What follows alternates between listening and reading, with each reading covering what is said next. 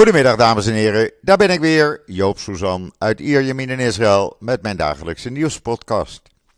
Het weer, 34 graden, de herfst is begonnen, strak blauwe lucht, een zwak briesje en ja, de ramen moesten dicht en de airco moest erbij aan, want het was anders niet uit te houden. En het blijft voorlopig zo, dus ja, ik klaag niet door. Voor mij mag het zo blijven. Uh, ik vind uh, een herfst met 34 graden, ach, dat is toch niet slecht. Uh, en dan het nieuws in Israël. Want mensen, mensen, er is, ligt wat op mijn bord. Laten we eerst maar even met COVID beginnen. 1177 nieuwe besmettingen in de afgelopen 24 uur. Er zijn ruim 7100 viruspatiënten in het land. 82 zijn ernstig ziek, liggen in het ziekenhuis. 23 uh, van hen uh, in kritieke toestand en alle 23 aan de beademing. Het dodental is opgelopen naar 11.693. Uh, het percentage ten opzichte van een dag eerder is gezakt. 7,81% van de mensen die getest worden testen positief. Dat is goed. Maar het R-getal is weer iets gestegen en staat nu op R082. Gelukkig nog beneden de 1. En dan uh, hebben de IDF en de veiligheidsdiensten de afgelopen avond en nacht zeven terreurverdachten opgepakt in Judea en Samaria. Dit alles in het kader van de operatie Breekwater. Die gaat nog steeds door. Die is begonnen in uh, april na al die terreuraanslagen. En uh, deze mensen stonden ook op de lijst, zijn overgedragen voor verdere behandeling aan uh, de veiligheidsdiensten. En ondertussen heeft de IDF-stafchef, luitenant-generaal Kogavi, de bevelhebbers op de westelijke Jordaanoever het groene licht gegeven om gewapende drones uh, in te zetten om gericht terroristen uit te schakelen. Dat heeft hij niet eerder gedaan. Dat is nu voor het eerst dat het gebeurt. Er is namelijk een aanzienlijke toename van het aantal terreur- en schietaanvallen. Uh, er wordt steeds meer geschoten op uh, IDF-troepen bij het arresteren van terreurverdachten en anderen. Uh, en met name in, uh, in en rond Jenin en Nablus op de westelijke Jordaanover is dit in hevigheid toegenomen. Uh, en er wordt aangenomen dat algemeen hier in Israël dat dit bevel van Kogavi is gegeven omdat het aanhoudende geweld in Israël dreigt, ja, Israël dreigt te slepen in een uitgebreide operatie in de noordelijke westelijke Jordaanover. Uh, die je kan vergelijken met operatie Defensive Shield in 2002 na de intifada's. We zullen het zien wat het gaat worden. En dan heeft president uh, Herzog gisteravond de traditionele Selichot-dienst in de synagoge van zijn residentie gehouden. Uh, voorafgaand, altijd tussen Rosh Hashanah en Grote Verzoendag wordt dat gedaan. Uh, er zijn elke avond Seligoddiensten bij de Klaagmuur en in veel synagoges. Ik vind dat altijd hartstikke mooi, vooral uh, de gezangen die erbij uh, worden gezongen. hij heeft een, een toespraak daar gehouden. En die toespraak kan je lezen op Israël Nieuws. Het is echt een toespraak gericht op de actualiteit in Israël en buiten Israël. Uh, ik, uh, ik, raad uh, u allen aan, ga het even lezen. En dan het Kandinsky-schilderij, wat eerst niet terug hoefde naar de Nederlandse Joodse familie, waarvan het door de nazi's was gestolen. Dat is nu toch teruggegeven aan deze Nederlandse familie. Het is een lang verhaal, maar de policy van Nederland schijnt iets veranderd te zijn waardoor het wel naar familieleden teruggaat. Alles wat gestolen is door de nazi's. Het hele verhaal kan je lezen op uh, Israël Nieuws. Ik zei al, het is een lang verhaal, maar wel, uh, het geeft wel inzicht hoe het in elkaar steekt. En dan uh, gisteren had de NOS, met name door hun correspondent die binnenkort hier weggaat, Ties Broks, had het over een inval in Jenin. Nou, er was geen inval in Jenin. Ik heb dat uh, gisteren middels een persbericht nog even op IDF gezet. Op uh, Israël Nieuws gezet. Een persbericht van de IDF. Waarbij ik een aantal video's heb gezet. Waarbij je kan zien dat er explosieven klaar lagen. Dat terroristische sluipschutters klaar lagen. Uh, en dat er explosieven naar soldaten werden gegooid. Dat lag allemaal klaar. Alles was van tevoren voorbereid door de terroristen. En de IDF wist dit en wou dit beëindigen. Dat hebben ze gedaan. En dan moet je niet als NOS-nieuwsite gaan praten over een inval alsof dat plotseling zou zijn gebeurd. En dan moet je het niet hebben over Palestijnen, dan moet je het hebben over terroristen. Maar het blijkt dat de policy van de NOS steeds meer en meer lijkt op anti-Israël beleid. Zoveel mogelijk anti-Israël nieuws uh, geven en niets positief. Dat is de policy op dit moment van de NOS. En ik vind dat een kwalijke zaak. Uh, je kan niet als uh, nieuwsorganisatie, als je objectief bent, moet je ook objectief zijn. En dan moet je het nieuws van twee kanten geven en wel de waarheid. En de gegevens die ik krijg van de IDF en van Government Press Office, die krijgt Ties ook. Die staat ook op diezelfde lijst. Dus hij heeft dezelfde gegevens die ik heb. Uh, alleen ik geef de gegevens weer zoals het is. En Ties Broks, NOS, die uh, uh, vindt dat ze dat mogen aanpassen. Zodat het meer positief voor Palestijnen of terroristen is. Lees het artikel op Israël Nieuws. Daar zie je ook die filmpjes. Daar zie je ook de foto's. En dan lees je ook dat die gezochte uh, terrorist, uh, Raman Gazem, de broer van uh, Raed Gazem, de terrorist die in Dizengoff in april drie mensen vermoordde, dat die bezig was met het voorbereiden van een aantal grote terreuraanvallen. Dus het is niet zomaar dat hij naar de andere wereld is geholpen. En dan Robots, jawel.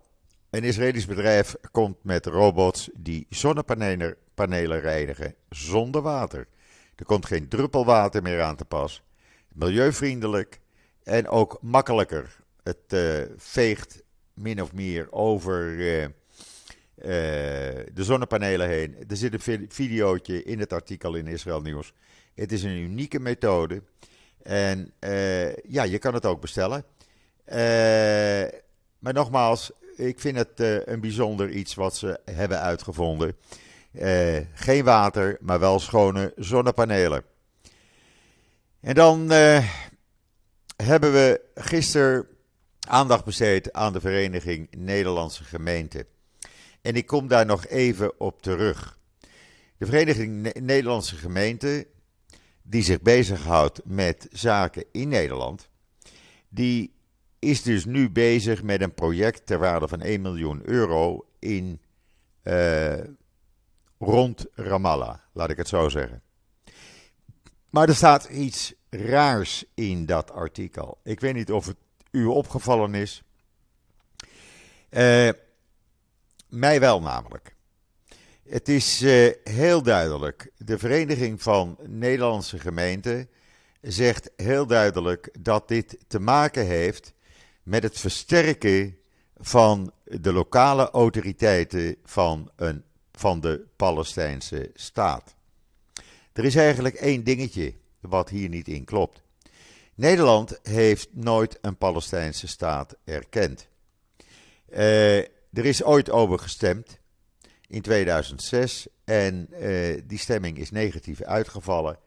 En uh, ja, Sindsdien is er niet meer gestemd en erkent Nederland geen staat Palestina. Dus als de Nederlandse gemeente dan schrijft dat het project deel uitmaakt van een programma voor duurzame ontwikkeling door de bevordering van de lokale overheidssector in Palestina, dan mag je je toch echt met grote vraagtekens afvragen. Waar houdt de Nederlandse, of de Vereniging van Nederlandse Gemeenten zich mee bezig? Want dit klopt niet. We zijn, eh, dat heb ik gisteren al gemeld, druk bezig met een aantal mensen dit verder uit te zoeken. En er komen steeds meer aanwijzingen die, eh, ja, waarvan ik zeg, dat ziet er niet kosher uit. Er gebeuren dingen achter de rug van het Nederlandse parlement. Uh, het is mogelijk zelfs een uh, werkgroep uh, die niet openbaar is. en nogmaals, ze zijn met zaken bezig waar ze als Vereniging van Nederlandse Gemeenten niets mee van doen hebben. Want de Vereniging van Nederlandse Gemeenten houdt zich bezig met zaken in Nederland. en dat doen ze dus niet.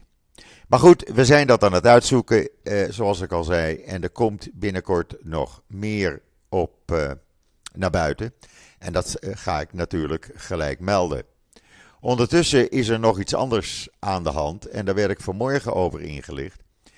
De NRC beschuldigt het Israëlische uh, bedrijf Elbit ervan dat ze cruciale uh, programma's die ze geleverd hebben in 2019 aan de Nederlandse politie voor een geheim gehouden bedrag, zegt de NRC. Hè? Uh, dat dat niet functioneert en dat NRC, of de Elbit er verder niets aan doet. Dat ze wel technici hebben ingehuurd, et cetera.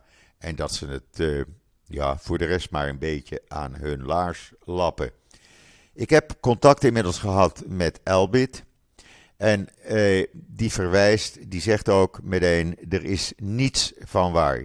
Dit is eh, uit de duim gezogen. Men is hier bezig met een anti-Israël artikel. En ik verwijs, zegt hij, naar de reactie onder het artikel van een woordvoerder van het ministerie van Veiligheid en Justitie. Uh, en uh, dat lijkt dus heel anders als wat de NRC probeert te bewijzen.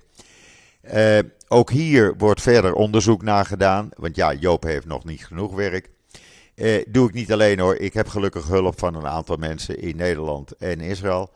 En die helpen mij erbij.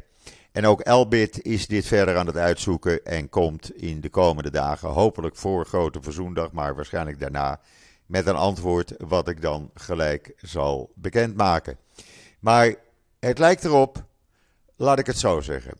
Mijn indruk uh, als Nederlander buiten Nederland luidt erop, uh, wijst erop uh, dat er in Nederland zo langzamerhand sprake is van een soort anti-Israël tendens, anti-Israël berichtgeving uh, anti-Israël policy. Ik kan er niets anders van maken. Pro-Israël mag schijnbaar niet meer. Uh, ja, de NRC, daar weten we van dat het een anti-Israël krant is. En dat zal het ook altijd wel zo blijven. Maar om dan dit soort beschuldigingen te doen, ja, sorry, dan ga je toch een stap te ver, denk ik. Maar goed, eh, ik blijf jullie op de hoogte houden. En zodra er meer bekend is, laat ik dat weten. En dan het echtpaar waar uh, de verkeerde embryo bij was ingeplant, althans bij de vrouw. Die weigert die embryo af te staan. Ze kunnen het niet wegnemen, zeggen, ze, zeggen de man en de vrouw. En ze willen de baby niet opgeven. Ze gaan het opvoeden als hun eigen kind. Uh, terwijl het mogelijk is dat uh, het echtpaar waarvan de embryo wel is, naar de rechtbank zal stappen en uh, het kind wil hebben. Dat wordt natuurlijk een hele gekke situatie. Maar gisteravond op het journaal, en je kan dat verhaal lezen in de Times of Israel, op het journaal van Channel 12 werd er een gesprek gevoerd, anoniem weliswaar, met zowel met de man en die zei: We kunnen het gewoon niet geloven, vooral mijn vrouw niet. En ze reageerde meteen en zei: van geen sprake van. Het is van mij en het is onmogelijk dat ze het van mij wegnemen. Dat gaat niet gebeuren. Het uh, echtpaar wil uh, om privacyredenen niet bekend worden gemaakt bij naam. En werd alleen met de Hebreeuwse initialen genoemd. Ze zeiden er ook bij, de man althans, we hebben nooit, nooit één moment anders gedacht. Zelfs met alle dilemma's en alle problemen die er kunnen gebeuren, hebben we nooit een aarzeling of gedachte over het afstaan gehad. Dit doen we niet. Het is een meisje en betellen de minuten totdat ze wordt geboren. Ja, dat wordt nog een dingetje. Ik vind dit een hele trieste zaak eigenlijk. Het is ernstig dat het gebeurt. Ja, waar gewerkt wordt kunnen fouten maken. Alhoewel, dit zijn wel hele ernstige fouten mensen. Maar goed, eh, wordt vervolgd zullen we maar zeggen. En dan eh, Danny Limor, een voormalig Mossad-agent was een van de mensen die deelnam aan de operatie die leidde tot het oprollen van die Lef Tahor cultus in Mexico. En die deelde in een uh, interview met 103 FM, en dat interview is te lezen in het Engels in uh, Jerusalem Post, uh, deelde hij mee wat hij allemaal zag. Hij zegt, de secte bestaat uit veel vrouwen en kinderen, meisjes en jongens van 2 tot 18 jaar, die in de secte zijn geboren en getogen. Onder de vrouwen zijn, kun je zeggen, die zijn gehersenspoeld. Als, als kinderen onder de 18 jaar moesten ze al zorgen dat er baby's kwamen. ja, hij zegt, het was een hele enge situatie wat we daar aantroffen. En we zijn blij dat we die secte hebben kunnen om, oprollen. Want dit zijn geen echte Joden, dit zijn geen echte rabbijnen. Dan zouden ze zich moeten schamen, want ze volgen niet het boek zoals ultra-orthodoxe Joden dat volgen. Dit zijn geen mensen die ochtends opstaan en Torah leren, zoals wij die kennen. Dat gebeurt niet. Ze hebben gekke ideeën. En uh, ze hebben het Jodendom helemaal aan uh, hun hand aangepast. Het gaat er alleen maar om om zoveel mogelijk kinderen te maken. Ja, het is een hele rare cultus. Maar lees het maar even in uh, Jeruzalem Post. En dan de Joodse gemeenschap in Kiev heeft Rosh Hashanah gevierd. Jawel, wel met gewijzigde ingangs- en eindigingstijden, maar dat had te maken met de verplichte avondklok. Uh, en uh, ja, ze hebben gewoon uh, uh, gevierd, zoveel mogelijk als het ging, met privé-evenementen, waarbij het Joodse nieuwjaar werd ingeluid, ondanks de voortdurende dreiging van de Russische aanvallen. kaarsverlichting werd er gebruikt in plaats van gewone verlichting. Er werden ook maaltijden gemaakt. Maar ja, de avondklok ging om 11 uur in en uh, toen moest iedereen weer binnen zijn. Maar wel mooi dat men het heeft gedaan en dat men uh, zich niet door de Russen heeft laten dwingen het op te geven. En dan die Iraanse president Raisi. Die heeft zich uitgesproken over de rellen, over de demonstraties in Iran, die zich steeds verder over het land verspreiden.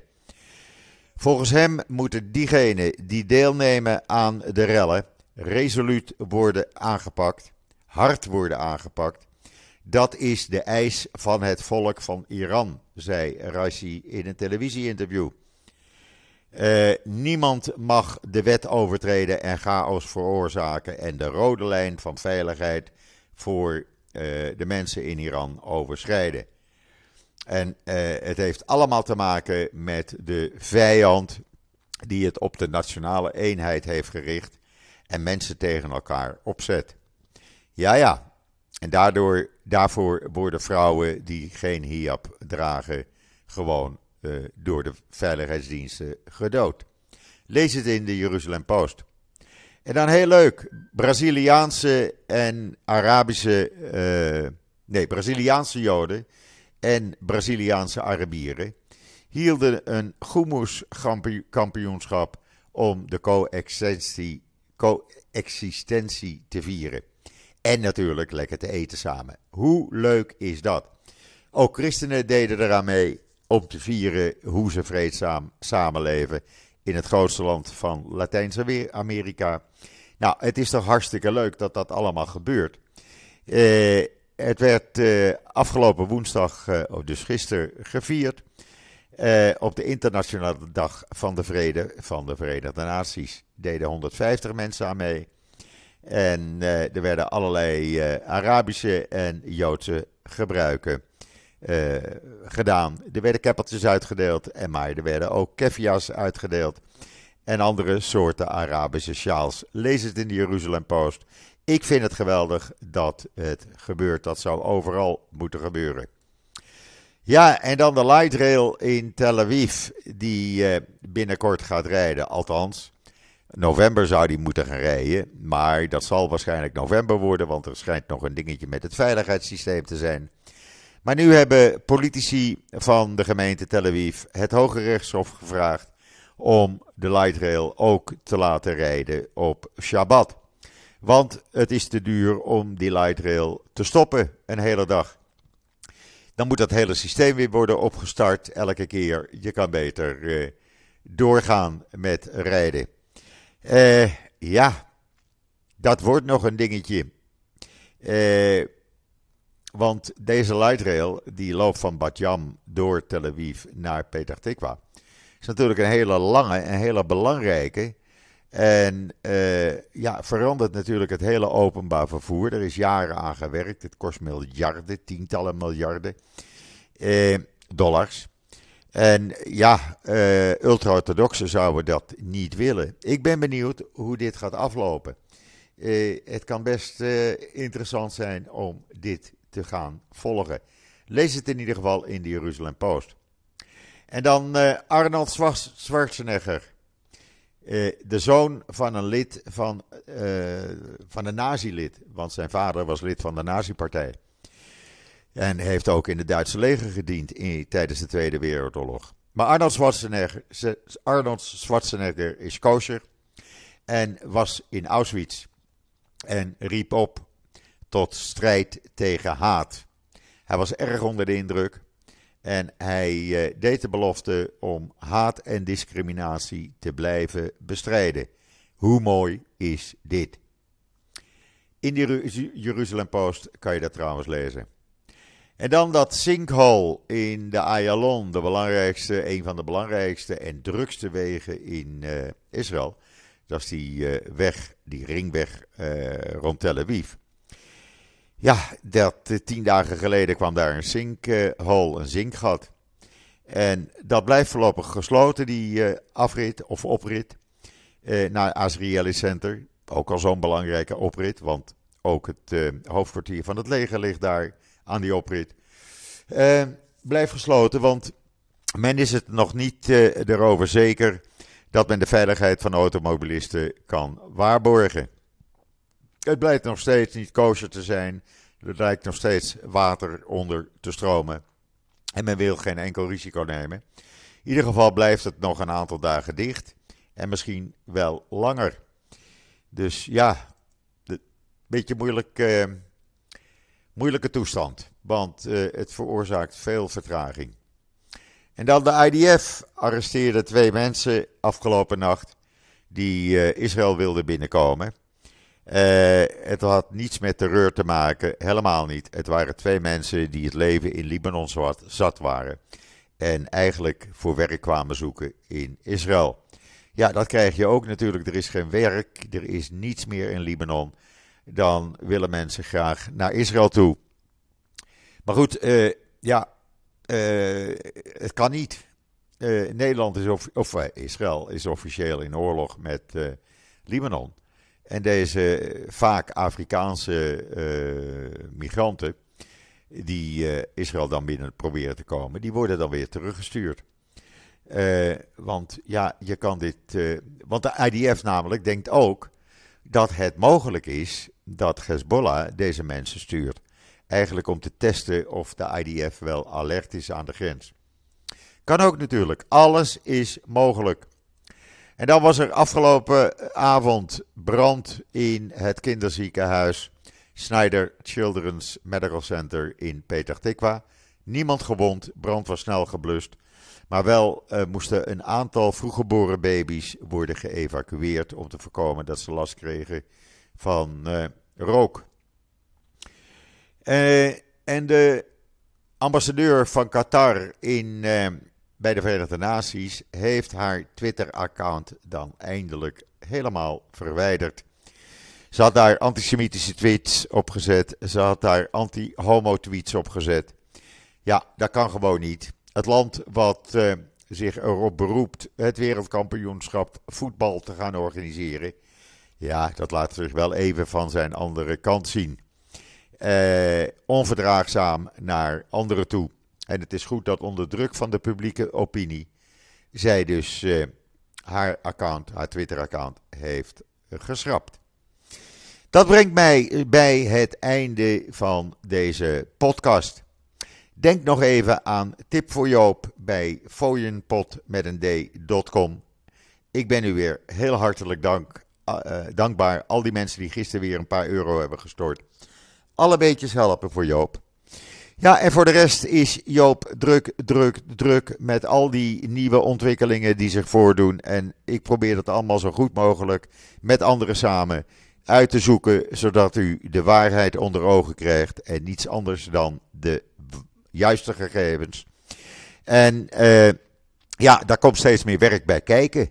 Straks moet ik er nog assistenten bij hebben, zeg. Uh, maar goed, voorlopig uh, gaan we daar lekker mee door.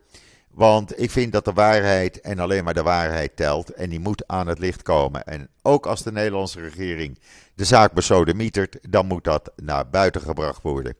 Of de politici dat nu leuk vinden of niet. En dan bereiden we ons voor op het weekend. Het wordt een warm weekend. Het wordt weer heet weer. Uh, het wordt weer uh, strandweer uh, met de hond. Zaterdagmorgen. En het is de laatste Shabbat voor Grote Verzoendag. Dinsdagavond begint Grote Verzoendag. Yom Kippur. Ik wens u allemaal Shabbat Shalom vanuit Israël. Een heel fijn weekend alvast. Wat mij betreft, IJzer wederdienende. Ik ben er uh, zondag weer en zeg zoals altijd: tot ziens. Tot zondag.